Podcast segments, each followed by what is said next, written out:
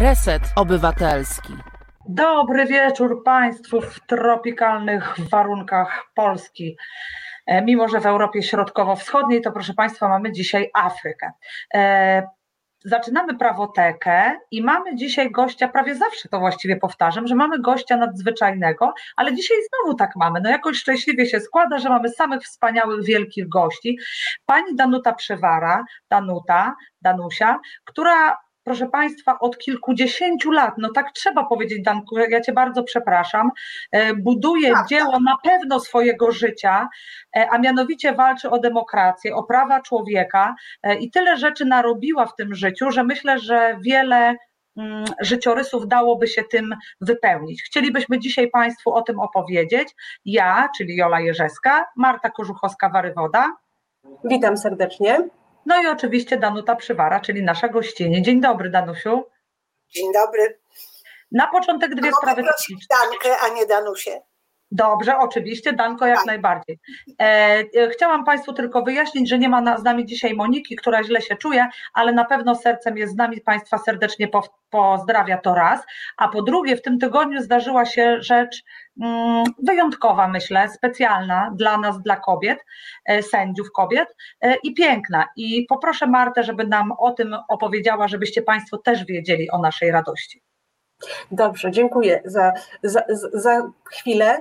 E, adwokatka Sylwia Gregorczyk-Abram została wyróżniona na gali Sukces pisany szminką. Dostała nagrodę za swoją działalność jako aktywistki i prawniczki i miała taką bardzo wzruszającą przemowę i o tym chciałam powiedzieć, ponieważ ona tą nagrodę dedykowała sędziom kobietom.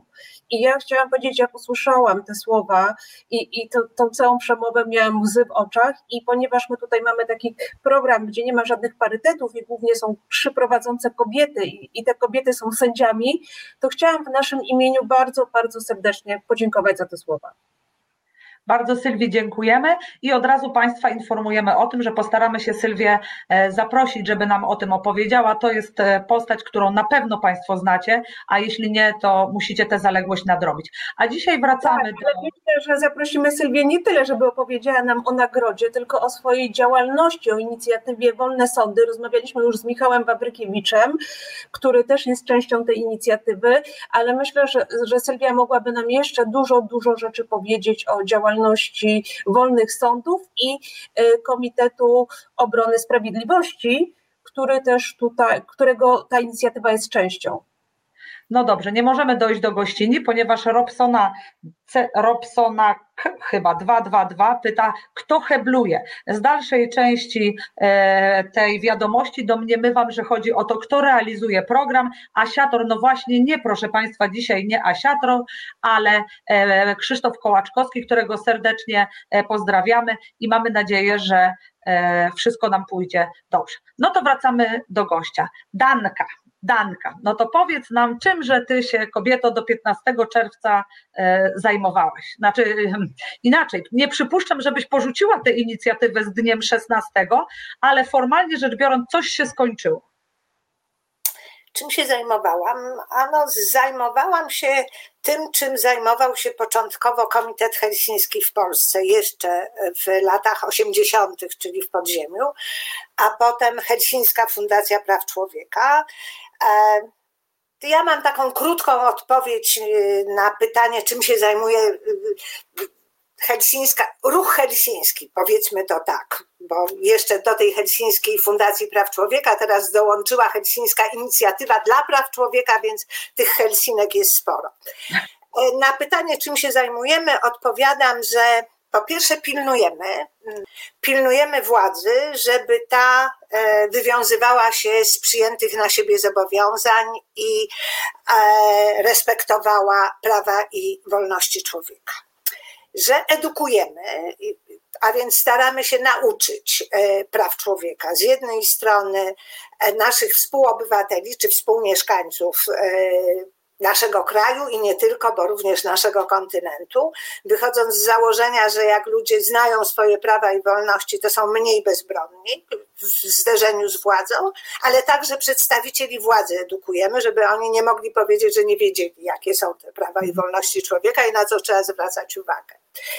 Że bronimy To znaczy, jak już e, nie udaje nam się przypilnować i edukacja nie spełni e, do końca swojej roli, bo dochodzi do naruszeń praw i wolności, to staramy się bronić tych, którzy, których prawa i wolności zostały naruszone. I jakby tego wszystkiego było mało, to jeszcze staramy się wpływać na otoczenie, tak ażeby było ono sprzyjające przestrzeganiu praw i wolności człowieka, na otoczenie, w tym również na system prawny.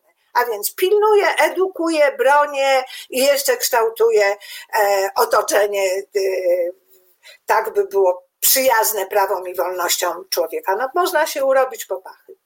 No, no wyobrażam tak. sobie.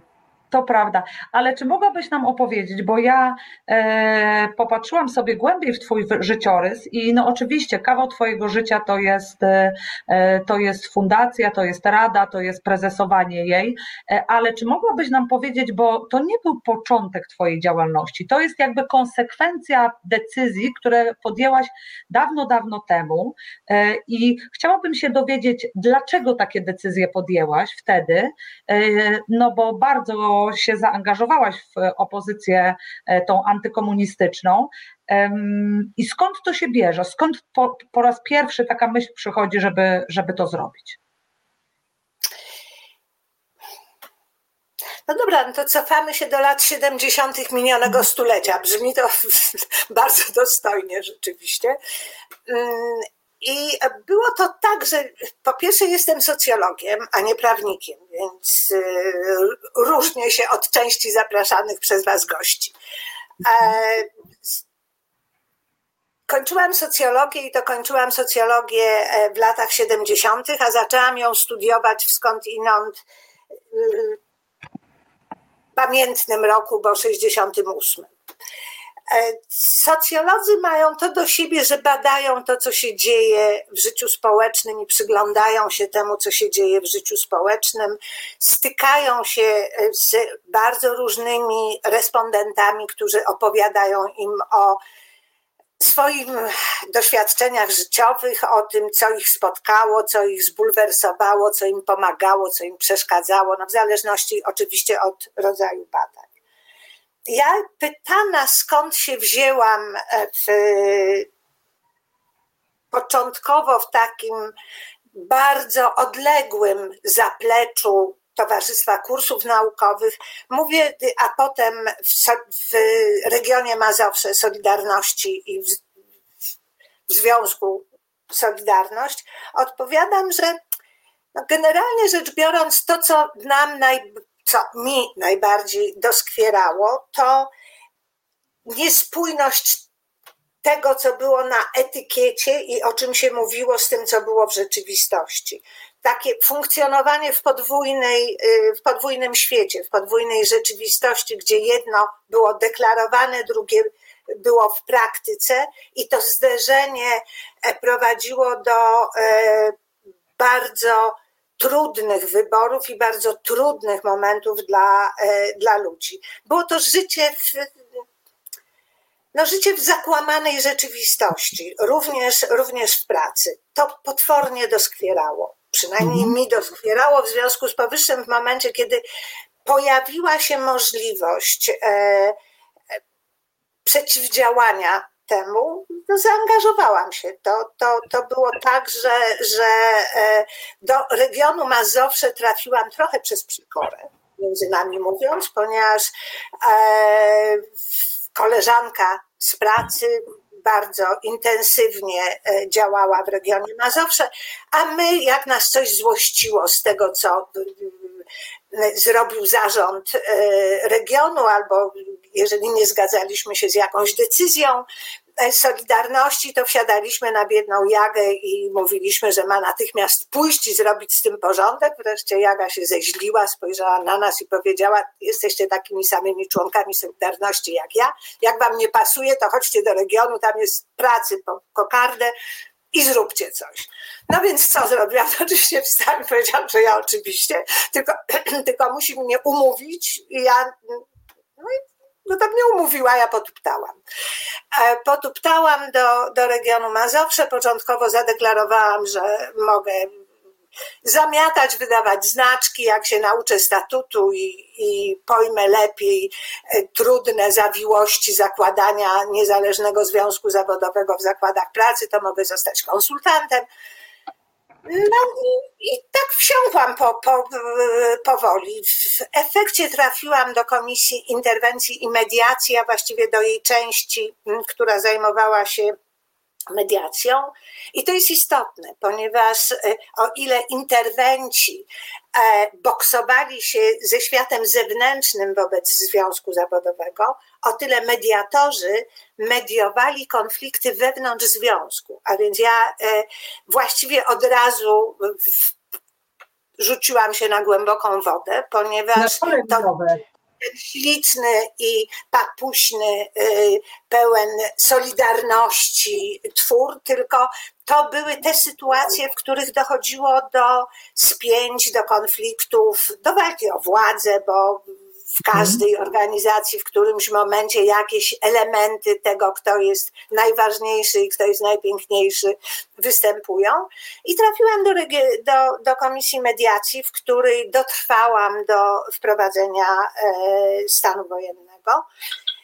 I jak potem mnie pytano, skąd się znalazłam w podziemnym komitecie, a jeszcze wcześniej w, w zaczęłam współpracować z koleżanką, która z kolei e, prowadziła punkt e, pomocy uwięzionym za przekonania ich rodzinom, e, czyli taki punkt, jeden z punktów Kościoła Świętego Marcina to odpowiadam, że, że ciąg dalszy po, po regionie Mazowsze to było mówienie kolejnych liter alfabetu. No po prostu jak się powiedziało A, to, no to trzeba było powiedzieć B, jak się powiedziało B, to w sposób oczywisty e, mówiło się C. E, trafiłam do e, grupy, która e, postanowiła napisać raport na temat naruszeń praw człowieka w Polsce w okresie stanu wojennego. Czy to jest raport? Tak, to, ta, ale wtedy to była jeszcze grupa, która przygotowywała raport na temat naruszeń praw i wolności e, człowieka w Polsce w okresie stanu wojennego. I to jest tak, chyba ale, Komitetu Helsińskiego, prawda? Słucham? Czy, czy, czy wtedy zawiązaliście Komitet Helsiński? Ta grupa, tak. do której trafiłam, ostatecznie nazwała się Komitetem Helsińskim w Polsce, ale to nazwała się ciuta później, podpisując no, pierwszy raport, bo trzeba było wymyślić nazwę. E... No tak, ale Danka, ale ty tak o tym opowiadasz, wiesz, tak jakbyś ty działała w justycji, ale przecież to była jednak trochę inna rzeczywistość. No bo ja no, przeczytałam no, dzisiaj, no. że twoje nazwisko i twoja, jakby twój udział w tworzeniu tego raportu został ujawniony dopiero w grudniu 89 roku, czyli sporo później. W czerwcu 89 w lipcu był raport, tak? Ale e, że oficjalnie potwierdzono. Nie, to, to się cofnijmy. Pierwszy raport był przekazany za granicę. E, udało się go przekazać w pierwszych miesiącach 83 roku. 89 to my jesteśmy już hu, hu to my już wychodzimy na powierzchnię. To jest, to tak, jest. On później e, był propagowany na tej konferencji w Madrycie i to chyba było tak. takie nagłośnienie całej tej sytuacji, która była w Polsce, jeśli chodzi o prawa to było rzeczywiście dokładnie tak, że, że raport udało się przemycić za granicę w momencie, kiedy był podpis. Ja do tej grupy trafiłam, bo tu chcę domknąć region Mazowsze i kolejne litery alfabetu. Trafiłam w momencie, kiedy szef komisji mediacji, e, którym był Marek Nowicki, fizyk, e, wyszedł z obozu dla internowanych i trafił natychmiast do kolegów, którzy tworzyli właśnie raport y, na temat naruszeń praw i wolności człowieka. I zaczął przyciągać do tej grupy różne y, osoby, z którymi on z kolei wcześniej współpracował. No, w ten sposób w ogóle znalazłam się e, w grupie, która nazwała się, podpisując pierwszy raport, e, Komitetem Helsińskim w Polsce. Raport został przekazany uczestnikom konferencji KBWE w Madrycie i jak żeśmy bardzo nieskromnie powtarzali, nie pozostał bez wpływu na stosunek rządów państw e, zachodnich do tego, co działo się w Polsce. I, a potem to już czyli, już, jesteście takimi pionierami trochę nadawania e, na sytuację, która była tutaj, oczywiście w zupełnie innej rzeczywistości niż my znajdujemy się teraz. Pełnym e, takim pierwszym pionierem była pierwsza komisja helsińska, która e, stanowiła agendę KSS KOR i którą zawiadywali e, w skład której wchodzili między innymi Zosia i Zbyszek Romaszewscy, ale również Stefan Starczewski, ale również współpracował Janek Lityński, to był, to był cała, i to był to była komisja helsińska, która powstała w 1977 roku i przygotowała pierwszy raport na temat naruszeń praw człowieka w PRL-u. I również go wysłała do Madrytu, był to pierwszy raport madrycki. Konferencja przeglądowa KBWE w Madrycie przerwała, miała przerwę w obradach i wznowiła je po wprowadzeniu stanu wojennego w Polsce. Ale to jest prehistoria. Kolejne litery alfabetu, już mówione przez Komitet Helsiński, polegały na tym, że ten pierwszy raport nie załatwił wszystkiego. No więc przygotowaliśmy drugi raport, trzeci raport, czwarty raport, piąty raport, szósty raport, siódmy raport. I wciąż macie sporo roboty. E, ca cały czas pracując w podziemiu, bo to były takie roczne raporty. W 1988 roku wyszliśmy częściowo na powierzchnię, ale nie wszyscy, a w 89 po częściowo wolnych e, wyborach czerwca 89 ujawniłam się również ja, ja się ujawniłam z przesunięciem w fazie, ponieważ odpowiadałam za wszystkie archiwa Komitetu Helsińskiego i pomysł na to, że doprowadzę e, za sobą ogon e, do różnych naszych e, archiwów, które się mieściły w prywatnych domach, prywatnych piwnicach, był no nie najsensowniejszy, więc wylazłam mhm. oficjalnie z podziemia dopiero w czerwcu 1989 roku. No właśnie, ale Danka, i wtedy w tym 89 roku powstała już fundacja, prawda? w 1989 roku myśmy po wyborach pomyśleli, że mm, chcielibyśmy zacząć normalnie funkcjonować, e, ale jednocześnie nie chcieliśmy rejestrować Komitetu Helsińskiego w Polsce. W związku z powyższym wymyśliliśmy, e, patrząc na możliwe e, rozwiązania prawne, że fundacja to będzie ten twór, ta ten twór prawny, który nam pozwoli zachować możliwie duże poczucie bezpieczeństwa. Ustawa o fundacjach nie pozwalała na wrogie przejęcia, co, na co pozwalało jeszcze wówczas prawo o stowarzyszeniach. Natomiast przy fundacji no albo się było fundatorem, albo się nie było fundatorem i myśmy, e, ci spośród nas, którzy nie weszli do e, parlamentu i nie e, zdecydowali się na założenie, na założenie fundacji. Chociaż decyzja zapadła nawet jeszcze przed częściowo wolnymi wyborami, myśmy akt założycielski fundacji złożyli u notariusza w lipcu 89 roku, a zarejestrowaliśmy fundację w styczniu 90. O. No Więc dobrze, ja ale... przeczytam komentarz Julii M., bo on tak trochę ubiegł moje pytanie. Jola M. pisze, ale chichot historii, tyle zachodu, walki o prawa, taka konspiracja, takie przeskakiwanie kłód i teraz chyba jesteśmy na początku tej drogi. Mam wrażenie, że zmarnowano lata poświęceń. Ja właśnie chciałam się w tej chwili ciebie zapytać, jak z perspektywy tego, co zrobiliście przed 90 rokiem, czujecie się teraz w Polsce Anno Domini 2021?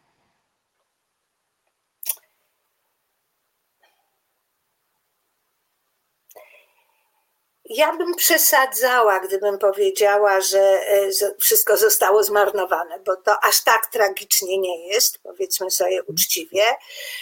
E, jest mi z tym, nie, z tym, co się dzieje w tej chwili, jest mi bardzo, ale to bardzo niewygodnie i trudno. E, widzę ileś podobieństw tego, co się w tej chwili dzieje z mm, sytuacją i rzeczywistością, z której wychodziliśmy w 1989 roku. jest mi tym trudniej, że za tymi zmianami stoją moi koledzy i koleżanki, żeby już zachować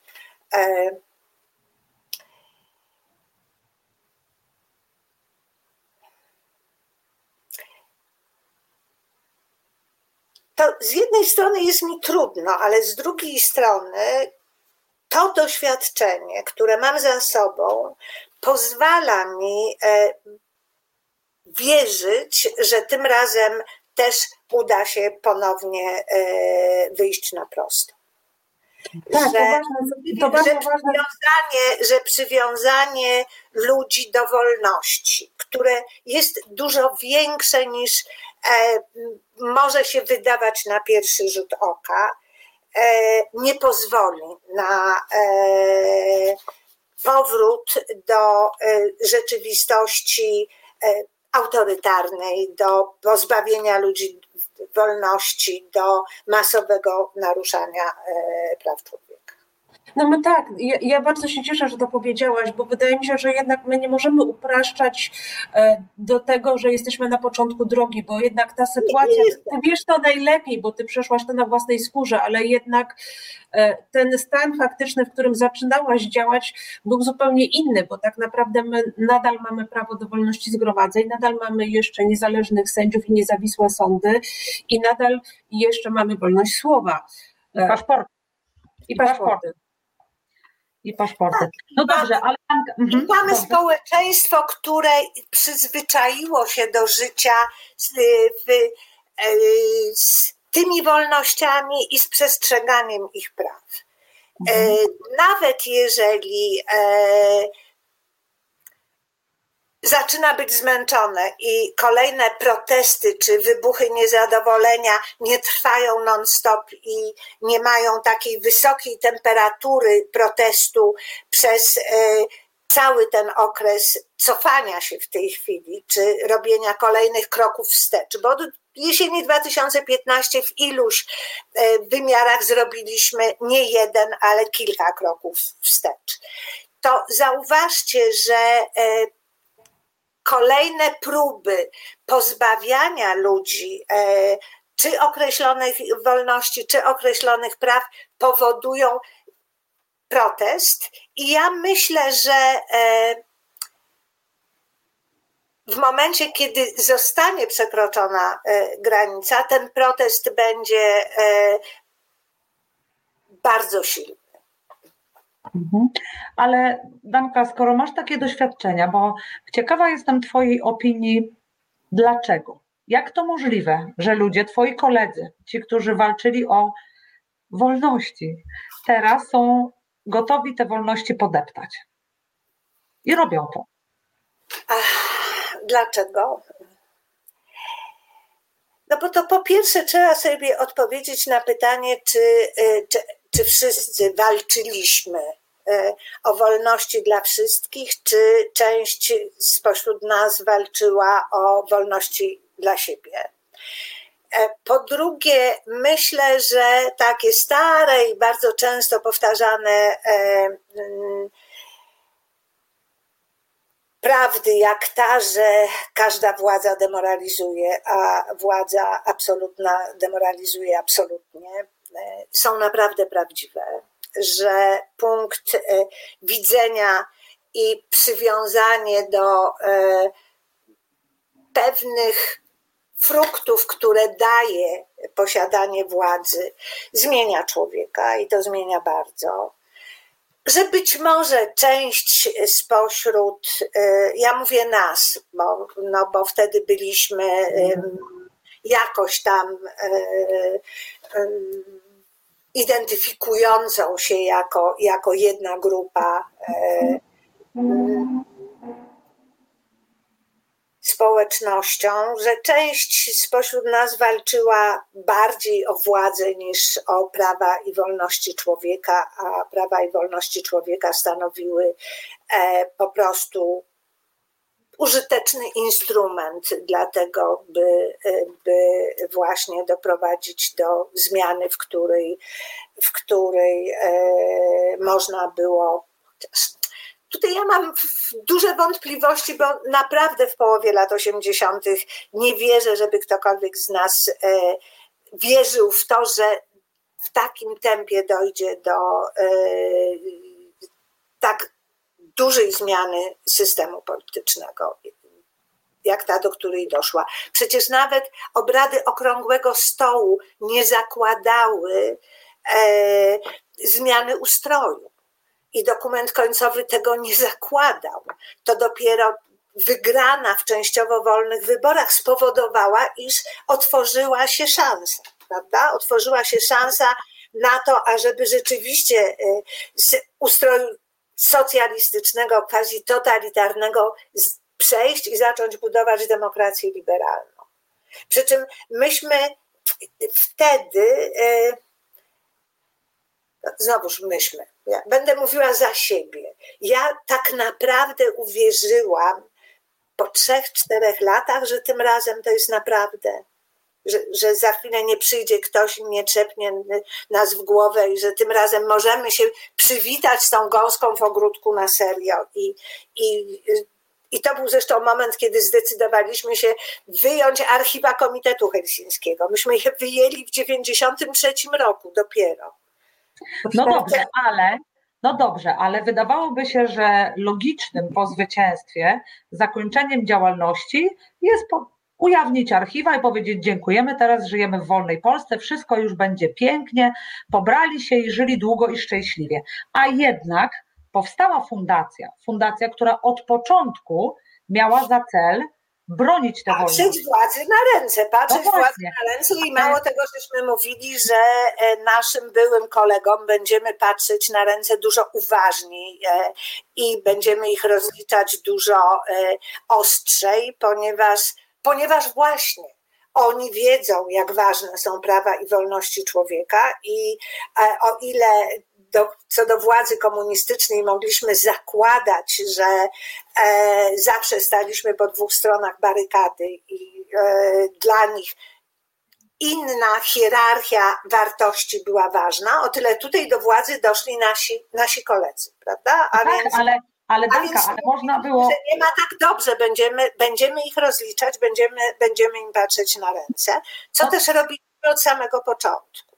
Mhm. Ale to tak. oznacza, że uważaliście, że e, to nie będzie władza taka, w której już takich naruszeń nie będzie. Czyli nie było takiego. Nie ma na świecie, ale Jola, no na świecie nie ma władzy, która by nie naruszała praw i wolności człowieka. I no nie ma tego E, nas e, uczyli praw i wolności człowieka i nas nam pomagali i w nagłośnieniu naszych raportów na Zachodzie, ale również dostarczając nam e, książek i dostarczając nam, dzieląc się z nami swoim doświadczeniem, koledzy, działacze na rzecz praw człowieka ze Stanów Zjednoczonych, Francji, Holandii, Szwecji, Norwegii, Niemiec, Włoch, Hiszpanii, Portugalii i nie mieliśmy żadnych złudzeń e, co do tego, że e, nasza aktywność będzie na pewno potrzebna i że e, no, nie ma tak dobrze, żeby, żeby istniał na świecie kraj, w którym władza nie pójdzie choćby troszeczkę na skróty e, i nie bacząc na to, czy narusza, czy nie narusza prawa człowieka, czegoś szybciej e, na skróty nie postanowi zrobić. Jest tylko kwestia, jak masowe, jak głębokie i poważne są naruszenia praw i wolności i jak władza reaguje na złapanie jej za rękę i powiedzenie: Ej, hola, tutaj e, e, zostało przyjęte prawo, które e, pozwala na naruszenie, na naruszenie praw i wolności, a tutaj praktyka stosowania prawa jest taka, że trzeba coś z tym zrobić. Czy władza w tym momencie reaguje w sposób przyjazny i sprzyjający ochronie praw i wolności człowieka i mówi, o tak, rzeczywiście, no tutaj mi się nie wydaje, żebyście mieli rację, ale w tym mhm. miejscu się zgadzam, w tym miejscu się zgadzam, nad tym trzeba popracować, tutaj warto, żebyście podpowiedzieli, czy nam coś zarekomendowali. Czy mhm. też patrzy i mówi, to nie moja ręka, to nie, a w ogóle to prawo nie tylko nie narusza, ale wręcz sprzyja ochronie praw człowieka, kiedy każdy gołym, a nie uzbrojonym okiem widzi, że jest na odwrót. Jest na odwrót. No właśnie, bo proszę Państwa, żeby to podsumować, to należałoby powiedzieć, że władza może być przyjacielem, czyli z jakimś rozumnym partnerem, który wprawdzie czasem zbłądzi, ale chce nad tym popracować, albo może być przeciwnikiem. E, Jolu, masz pogłos, chyba czas No właśnie, zupełnie nie wiem dlaczego. On nie jest zależny ode mnie. Myślę, że coś tutaj y, poza mną się wydarzyło. Proszę Państwa, bo, y, bo forum nasze tutaj po prostu aż furczy. Wprawdzie teraz przyszedł czas na przerwę, na którą Państwa zapraszam, ale za chwilę wrócimy do komentarzy, bo Państwo Wrócimy. bardzo aktywnie e, komentują. Do zobaczenia za chwileczkę. Słuchasz Resetu Obywatelskiego. Reset Obywatelski działa dzięki Twojemu wsparciu. Znajdź nas na zrzutka.pl. Piękny utwór, dziękujemy. Tak, bardzo piękny. E, pani Jola M. Jola M. napisała: Władza ma e, w nosie nasze prawa, depcząc je i pozwalając innym na ich e, deptanie. Co by osoba taka jak ty, która od lat walczy o to, żeby tych praw bronić, powiedziała na taki komentarz? Że władza w sumie robi tyle, na ile my jej pozwolimy, że im więcej e, spośród nas e, będzie domagać się swoich praw i twardo e, o nich mówić i występować do korzystając z tych instrumentów, które pozostają w naszej dyspozycji, tym mamy większą szansę na to, że e, władza będzie e, traktowała nas i nasze prawa serio. Mhm. Nie ma innego e, sposobu na to, by przekonać, będę używała takiego łagodnego eufemizmu, władzę do tego, by respektowała prawa człowieka poza naszym przywiązaniem, i to im bardziej powszechnym, im e, liczniejszym e, e, występowaniem o swoje prawa, tym mamy większe, większe szanse, by e, władza i nas, i nasze prawa traktowała serio. Ja przytoczę komentarz Miri. E, dlatego tak ważna jest obrona niezależnych sądów, bo mam nadzieję, że w Nowej Polsce ci staną, e, ci staną przed sądami, których wyroki będą respektowane, czyli prawo do niezawisłego sądu. No dziękujemy za te słowa, to bardzo ważne.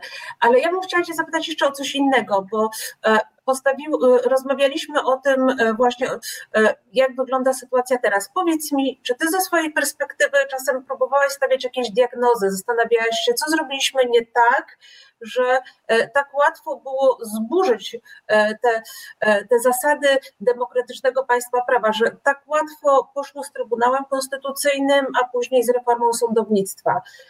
Gdzie, gdzie żeśmy zawinili? Wiesz, ja e, myślę, że zbyt mało uwagi e, poświęciliśmy wszyscy na e, prawdziwą, powszechną edukację, taką obywatelską edukację.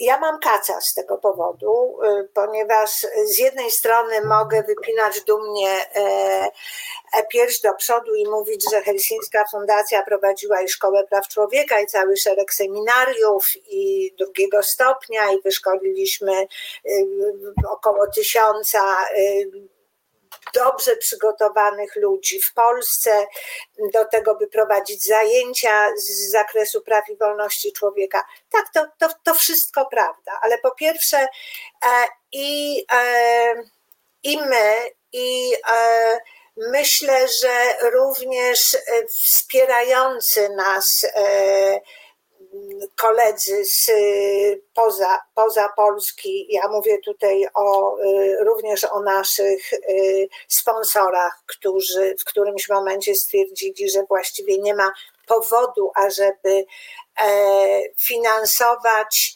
programy stricte edukacyjne, ponieważ to już powinno przejąć państwo. ale także, że myśmy za szybko odpuścili taką głęboką i porządną edukację. Za mało uwagi poświęciliśmy na to, by wprowadzić edukację obywatelską do szkół. E, obywatelską, to znaczy również z podstawami prawa. Ja nie mówię o tym, żeby y, y, kształcić e, dzieci w szkole z przepisów prawa, ale ażeby dzieci wiedziały, do czego prawo służy, e, gdzie się mogą zwrócić, w jaki sposób powinny dochodzić swoich praw, że nie poświęciliśmy dostatecznie dużo uwagi na przykład do wprowadzenia zasad demokratycznych do życia szkoły.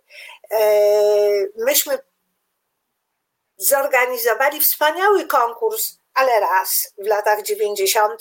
konkurs na opracowanie konstytucji szkoły, w którym uczestniczyło iluś, ileś szkół ponadpodstawowych, gdzie cała społeczność szkoły negocjowała i wypracowywała zapisy konstytucyjne. Były to negocjacje między uczniami, rodzicami, a kadrą nauczycielską, gdzie e, potem wdrażano opracowaną konstytucję, która była serio przyjęta. Myśmy to zrobili raz, potem e, w oświacie pojawiły się wzorcowe regulaminy czy statuty szkół, i praktycznie rzecz biorąc, e, ten typ edukacji i takiego zanurzenia młodego człowieka w rzeczywistości demokratycznej, w właściwie nam umknął. To, to był lata 90. to był ten czas, kiedy można było dużo e, więcej zrobić, jeżeli chodzi o wprowadzenie do edukacji i młodzieży, i studentów elementów obywatelskości, właśnie, właśnie wiedzy na temat praw i wolności człowieka, na temat tego, czym jest demokracja, dlaczego trójpodział władzy jest tak ważny. Dzieciaki z tych szkół, które uczestniczyły w konkursie, naprawdę były znakomicie e, przygotowane i miały przemyślane e, te mechanizmy, które są tak istotne dla e, funkcjonowania demokracji. Mhm. Wspaniały pomysł z tą konstytucją, aż po prostu Świetne. się ochotę podkraść go i kontynuować to, zważywszy na to, że jakiś czas temu zetknęliśmy się z młodzieżą, która założyła Stowarzyszenie Umarłych Statutów i e, mhm. dość mocno kwestionuje te statuty, które są im narzucane jako uczniom i, i, i znajduje tam wiele sprzeczności w tych ustawach. Ale ucieka, jest tak dużo komentarzy. E, chciałam... Ale ja chciałam, to ty Barta szukaj, a ja chciałam powiedzieć, Już mam świetnym podsumowaniem tego, o czym mówiłaś przed chwilą, Danka, jest e, komentarz e, Miria, która napisała, a ja mam wrażenie, że dopiero teraz mówi się głośno o prawach człowieka, gdy są po plasterku odbierane. No to jest e, właśnie chyba to, o czym mówimy, prawda?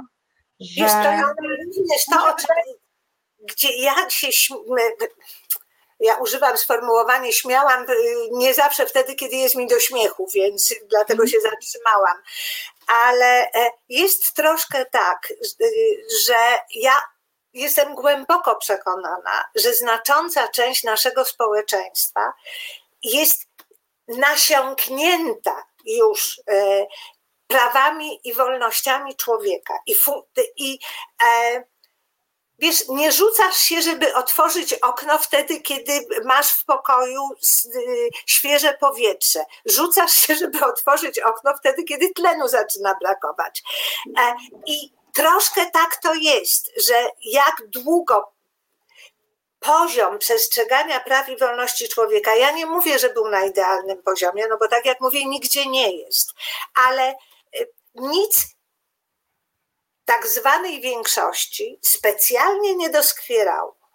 Owszem, członkowie różnego typu grup mniejszościowych czuli dyskomfort. Natomiast poziom wolności słowa, przestrzegania prawa do rzetelnego procesu, ochrony e, wolności osobistej i tak dalej, i tak był na takim zupełnie przyzwoitym, przeciętnym europejskim poziomie.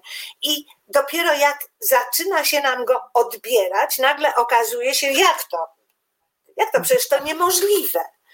E, jak to ja nie będę, na przykład proste stwierdzenie, nie wyjedziesz za granicę. Jak to nie wyjadę za granicę? Jak mi się nie będzie podobało, to po prostu z, zabiorę manatki i sobie pojadę, prawda? Dopiero informacja, okej, okay, tylko pamiętaj, że może skończyć się e, Schengen, jeżeli e, zrealizujemy polexit. I e, mogą gdzieś cię nie chcieć ja już nie mówię o tym, że gdzieś się wypuszczą, bo, bo nas nie wypuszczano, prawda? No ale już no, powiedzmy, to my, ja o tym nie mówię, ale że gdzieś cię nie wpuszczą. Jak to ja nie wyjadę? Jak to ja nie, jak to nie mogę zorganizować e, manifestacji? Mhm. Jak to nie mogę czegoś powiedzieć albo czegoś napisać? W, w tym momencie nagle okazuje się, że że to nie są oczywiste oczywistości raz na zawsze dane, prawda? Że mhm. nagle ktoś może nam to zabrać. No to że bardzo było wyraźnie widać. Z tym, że, nie pójdzie, że w momencie, kiedy pójdziemy do sądu, to w naszej sprawie nie będzie orzekał niezawisły sędzia. Mhm. Tylko, że w momencie, kiedy będę w sporze z przedstawicielem władzy, to właściwie będę miała z góry sprawę przegraną. No tak, i grono tych osób, którym e, ta władza gdzieś zajdzie za skórę, będzie się powiększać i stale się powiększa, bo jeszcze latem tych osób było znacznie mniej. Jesienią grupa ta poszerzyła się o e, młode kobiety, młodych mężczyzn, e, ich matki, babcie i wszystkich tych, którzy rozumieją powagę sytuacji wywołaną orzeczeniem Trybunału Konstytucyjnego. Potem te obostrzenia covidowe, które też no, były bardzo restrykcyjne, represyjne, a były niezgodne z konstytucją i uświadomiły ludziom, no, że, że tak nie może być po prostu. Wiesz, i e, również znaczenie konstytucji. E, mam nadzieję, że powoli zacznie rosnąć, że to, że to nie jest jakaś taka właściwie nikomu niepotrzebna e, ustawa, którą sobie ci jajogłowi wymyślili i coś opowiadają o jakiejś ustawie zasadniczej. Kiedy nagle zaczyna się okazywać, że to ona ustanawia hierarchię źródeł prawa i że to, i że to zapis w konstytucji określa, co można nam zabrać rozporządzeniem, a co Dokładnie. A, że w momencie, kiedy ustawa, to, a to jest w konstytucji, no tak, to jest w konstytucji, to, to, jest, to, to jest ten fundament, na którym wznosi się cały dom, w którym mieszkamy, prawda? Dokładnie. I my sami też o tym się przekonaliśmy, jak przyszło nam rozstrzygać sprawy właśnie obostrzeń i represji nakładanych rozporządzeniem. I tak naprawdę e, to był taki moment, kiedy e, naprawdę ilość razy, kiedy człowiek sięgał do konstytucji, żeby uzasadnić umorzenie sprawy o udział w zgromadzeniu, umorzyć e, sprawę związaną z, z innymi obostrzeniami, właśnie trzeba było sięgnąć bezpośrednio do przepisów konstytucji, żeby odwołać się do tych praw i wolności. A Jola pisze, a teraz za pikniki konstytucyjne będą karani wszyscy zainteresowani edukacją obywatelską. Danko, bierzesz udział w tych piknikach obywatelskich, prawda? Oczywiście tourdekonstytucja.pl jest jedną z y, fajniejszych akcji i sensowniejszych akcji, bo popatrzcie, to jest tak naprawdę e, no, bijąc się w piersi, można powiedzieć, że próba nadrobienia tych zaniedbań, które były. Czyli po pierwsze, pójście poza duże miasta i dotarcie do ludzi, którzy no, mają trudniej z dotarciem do. E, i do ekspertów, tak, żeby można ich było złapać za rękę i spokojnie porozmawiać. I e, trudniej im e, protestować, ponieważ nie są w żadnym momencie swojego życia anonimowi. A więc pójście bezpośrednie do nich, pójście z konstytucją, e, pokazanie konstytucji jako, jako przyjaciółki. Ja, Robert Hojda, który wymyślił Tour de Konstytucja.pl, w trakcie jednego ze spotkań promujących Widziałam to. spytał mnie, czym dla mnie jest konstytucja i ja miałam już taki moment, właściwie czym dla mnie jest konstytucja? No kurczę, no jest przyjaciółką, jest, jest tą bazą, do której ja się zawsze mogę odwołać, w której ja mogę znaleźć e, bardzo silne umocowanie praw i wolności, na którą e, mogę się, na której mogę się oprzeć wtedy, kiedy e, widzę, że któreś prawo pozwala na naruszanie moich praw czy, czy, czy wolności. Ale pod warunkiem, że rzeczywiście będę ją znała, E, nie będzie dla mnie jakąś taką dziwną, niezrozumiałą książeczką e, jajogłowych, kiedy, kiedy się z nią rzeczywiście zaprzyjaźnię. Tyle tylko, że ja ciągle powtarzam, że przyjaźń jest e, relacją symetryczną i konstytucja nam pomaga, ale w momencie, kiedy ona jest zagrożona, fajnie, jeżeli my jej pomożemy. E, konstytucja nie ma armii. Jej jedyną armią e, i jedynym gruntem, na którym może się oprzeć, jak fundament budowanego budynku, jesteśmy my, czyli świadome obywatel, świadome społeczeństwo obywatelskie, a więc ludzie znający swoje prawa, potrafiący je wyartykułować, potrafiący o nie wystąpić i konsek- i konsekwentnie e, broniący państwa prawa, jako państwa przewidywalnego dla siebie. Jak jesteście przyjmowani w tych małych konstytucja to jest tak naprawdę e, zwielokrotnianie liczby przyjaciół konstytucji w naszym kraju. Ja przeczytałam, ja przeczytałam, że to jest e, program, który demoralizuje ludzi konstytucją. No już sam zbitek tych e, słów mną wstrząsnął potwornie. Demoralizować ludzi konstytucją to naprawdę trzeba umieć. Tak, bo to tak jak ja nie umiem. Może ktoś, kto to powiedział, umie. Mi się jeszcze nie udało zdemoralizować kogoś konstytucją. Ale to mi przypomina tą sytuację, jak e, zalecono, żeby sędziowie nie nosili koszulek z napisem Konstytucja, jakby to też mogło demoralizować. Tak. Pomysł, słuchajcie, pomysł, żeby e, ustawa zasadnicza, coś, co stanowi fundament istniejącego ustroju. Ja już abstrahuję od tego, że jest to na dodatek e, dokument, na który e, przysięgało to całe towarzystwo.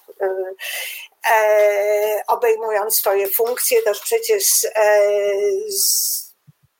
konstytucja jest tą, tym fundamentem e, mającym stanowić podstawę ich działania, prawda? E, żeby robić z konstytucji e, wroga,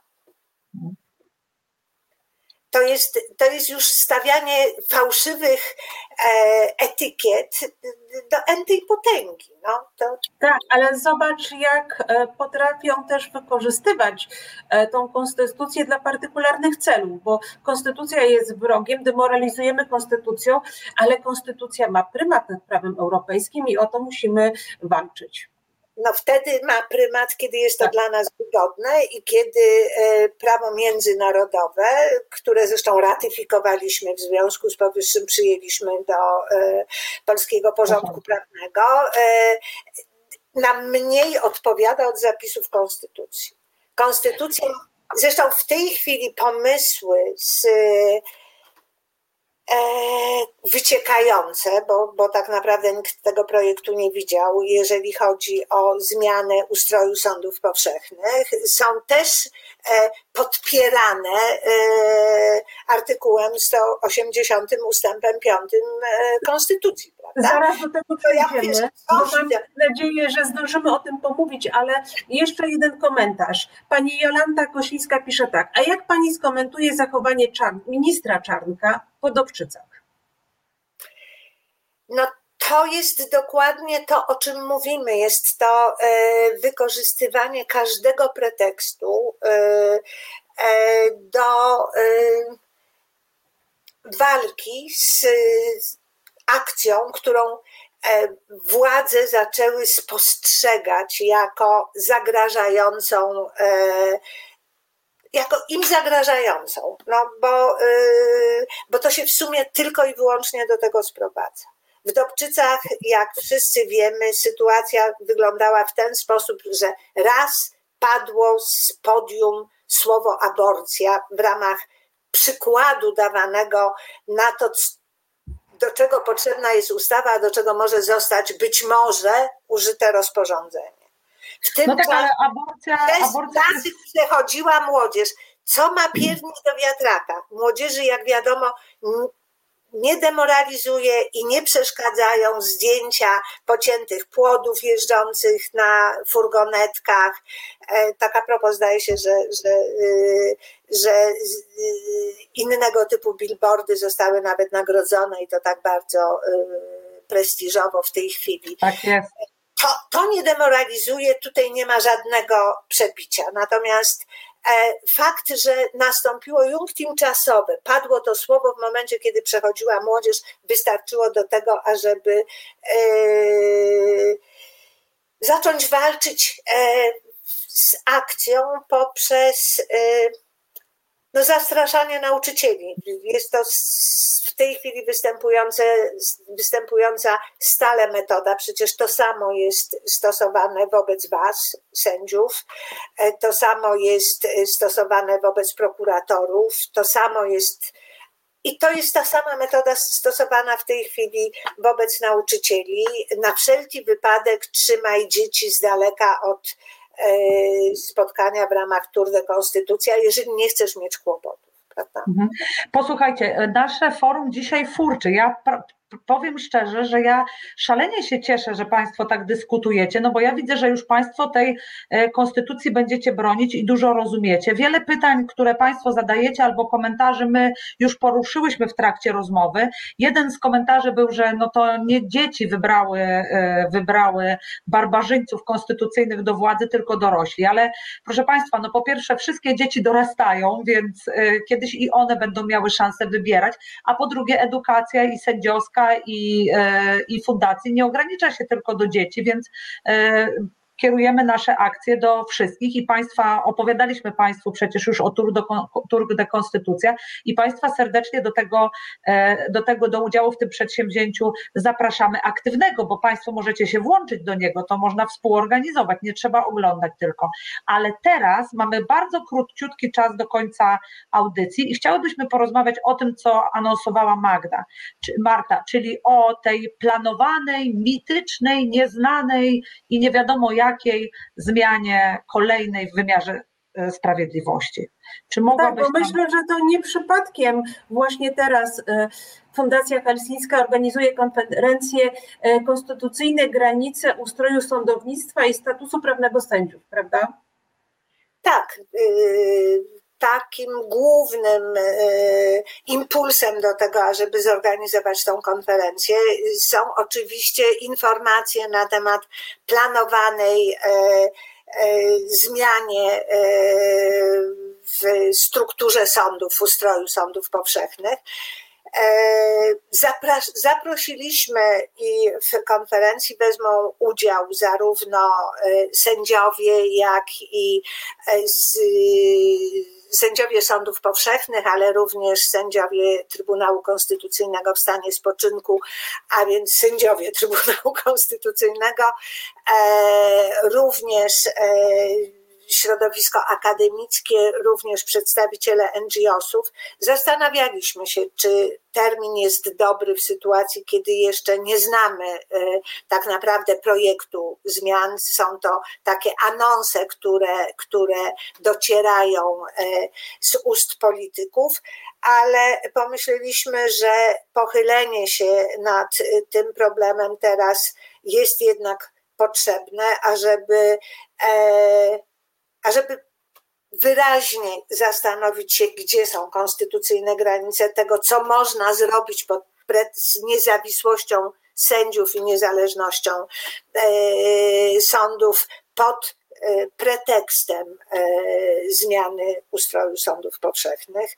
I myślimy, że ta konferencja dostarczy iluś materiałów do przemyśleń i do spokojnego pochylenia się. Na... Mhm. Jak można wziąć udział w konferencji? Trzeba się rejestrować, czy ona będzie transmitowana? Bo myślę, że to zainteresuje naszych słuchaczy. Kurczę, blady nie wiem, ale e, myślę, że, e, że będzie transmitowana na pewno, a żeby e, Wiem, że dyskusja jest przewidziana tylko między panelistami i nie, natomiast będzie można zgłaszać pytania na czacie. I myślę, że pytania na czacie będzie można zgłaszać tylko wówczas, kiedy y, ktoś się zarejestruje. Natomiast y, no, sensowne y, byłoby po prostu transmitowanie i ja na pewno to sprawdzę. Natomiast no nie wiem. No, to ja w takim razie na profil Ale na pewno będzie to u nas na, będzie to u nas na, na Facebooku na stronie, więc, więc No właśnie, proszę Państwa, na pewno zamieścimy te informacje. Tak jest, na Facebooku już jest ta informacja. Ja jeszcze nie mogę nie odpowiedzieć, bo czas nieubłaganie nam się skończył, ale pan Janek Mylak pisze o tym, proszę Państwa, my bardzo dobrze pamiętamy, że nasi słuchacze są e, wybitnie zaangażowani, wybitnie, e, e, wybitnie uświadomieni. My to każdemu z naszych gości na początku, wtedy, kiedy Państwo jeszcze nas nie widzicie, o tym mówimy, że to nie są słuchacze, którzy nie wiedzą, o czym, o czym my mówimy i potrzebują tych podstaw, no ale nie zmienia to faktu, że wydaje mi się, że dzisiaj nie mówiliśmy o kolej, e, konkretnych e, artykułach Konstytucji, tylko o tym, że ona jest dla nas taką przyjaciółką trampoliną. Kiedy władza nas popchnie, to ta trampolina pozwoli nam wylądować, odbić się, obronić i o tym, że znajomość tej e, Konstytucji, dbałość o nią, żeby te wszystkie e, amortyzatory tam działały, jest naszym obowiązkiem. I to, że Państwo tak dużo piszecie, świadczy o tym, że możemy na Państwa liczyć i to nas e, bardzo cieszy. Natomiast drugi komentarz dotyczył jakoś mi umknął teraz, proszę Państwa. E, to ja może powiem, Jola M napisała, że spotkania są za krótkie i ja znowu mam wrażenie, że e, chciałam jeszcze o tyle rzeczy zapytać, o program spraw precedensowych i, i po prostu nie zdążyłam, ale to być może jest taki pomysł, żeby spotkać się za jakiś czas jeszcze raz. Na pewno. A, a, ja proponuję, żebyście zaprosiły również e, ludzi z nowego zarządu Helsińskiej Fundacji, którzy są już i tak doświadczeni, i bardzo przygotowani, i naprawdę znakomici. I warto. A są kobietami? Słucham? Czy są tam jakieś kobiety? Są. Są, jest Małgorzata Szuleka, której gratuluję, bo właśnie zdała egzamin jest panią mecenas. O, dostała No bo pani Małgorzato, jest już pani zareklamowana. Jest, jest tak Aleksandra Iwanowska, y, również prawniczka, doktor prawa, która zajmuje się także tym, co się dzieje y, z prawami człowieka za naszą wschodnią granicą. Dobrze, mamy dwóch gości. Dobrze, mamy Ale gości, proszę Państwa. Tylko zarząd, bo jeszcze jest Kasia Wiśniewska, szefowa programu spraw precedensowych. Także ja dziewczyny, myślę, że o tym zapraszam. Myślę, że o tym programie spraw precedensowych to zrobimy oddzielny odcinek, bo ja troszeczkę poczytałam i po prostu dzisiejsze ramy nie pozwoliły mi na żadne pytania. Dobrze, proszę Państwa, w ten sposób zaplanowałyśmy 100 kolejnych audycji. Będziemy ciągle rozmawiać o sprawach ważnych i ważniejszych. Mnie w międzyczasie przypomniało się o co chodziło, bo widziałam tutaj dwa komentarze, w których pani Anna Gryta narzekała, że pod sądami spodziewała się większej liczby e, prawników, użyła sformułowania rzesze. Proszę Państwa, prawnicy to nie są jacyś inni ludzie. Wśród nich bywają dokładnie tak samo, obojętni, zapracowani, zajęci, e, tacy, którzy uważają, że równie dobrze mogą protestować przed telewizorem albo słuchając radia e, i nie możecie Państwo oczekiwać, że jeżeli w coś są zaangażowani prawnicy, to ich będą rzesze, a jeżeli w coś są zaangażowani, zaangażowani szewcy, to wtedy ich nie będzie rzesze, tylko garstki. Tak to nie działa. Musimy być wszyscy i szewcy, i prawnicy, e, i sprzedawcy, e, i nie wiem, hydraulicy, nauczyciele, bo po prostu my wszyscy jesteśmy obywatelami, prawda? Dokładnie. I tej konstytucji, i tej konstytucji Tak, i tej konstytucji my musimy bronić. Dziękuję Państwu bardzo za dzisiejsze spotkanie. Dziękuję Ci, Danko. E, dziękuję Ci za dzisiejsze spotkanie i dziękuję Ci bardzo za to, że całe Twoje życie właściwie e, wymawiasz ten konstytucyjny i e, człowieczy alfabet. E, no i tak mam nadzieję, że my pójdziemy Twoim śladem i jak już to wszystko się skończy, to nadal będziemy stać na straży tych wszystkich wartości, a nie tylko próbować zrobić na nich karierę. A na OFIE jeszcze Cię zapytamy. Za konsekwencje, bardzo mocno. Tak jest. Jesteś w ogóle niesamowicie inspirującą osobą. Jestem pod naprawdę ogromnym wrażeniem. Bardzo Ci dziękujemy za udział w programie. Dziękujemy bardzo wszystkim Państwu, dziękujemy e, i zapraszamy. A ja jeszcze, jeszcze naszym słuchaczom i widzom powiem jedno. Słuchajcie, czasami marzę, żeby wyłączyć na chwilę Facebooka, ponieważ samo zalajkowanie czy protest na Facebooku jest zbyt słabym protestem. Warto rzeczywiście wyjść na ulicę i powiedzieć: Ja się nie zgadzam. To prawda, proszę Państwa, i do tego Państwa zachęcamy. A za tydzień naszym gościem będzie kto, Marto? Za tydzień naszym gościem będzie Adam Bodnar, Rzecznik Praw Obywatelskich. Proszę Państwa, nie ustajemy w zapraszaniu Was na rozmowy z osobami wyjątkowymi, wybitnymi i mamy nadzieję, że ta podróż będzie e, dla Was e, przyjemna i pouczająca. Dzisiaj dziękujemy już bardzo. Dobranoc. Idźcie Państwo odpocząć, odetchnąć, otwórzcie szeroko od okna i cieszcie się e, pięknym wieczorem. Do widzenia. Do widzenia. Dziękujemy bardzo. Reset Obywatelski. To był program Resetu Obywatelskiego. Subskrybuj nasz kanał na YouTube, obserwuj na Facebooku i Twitterze.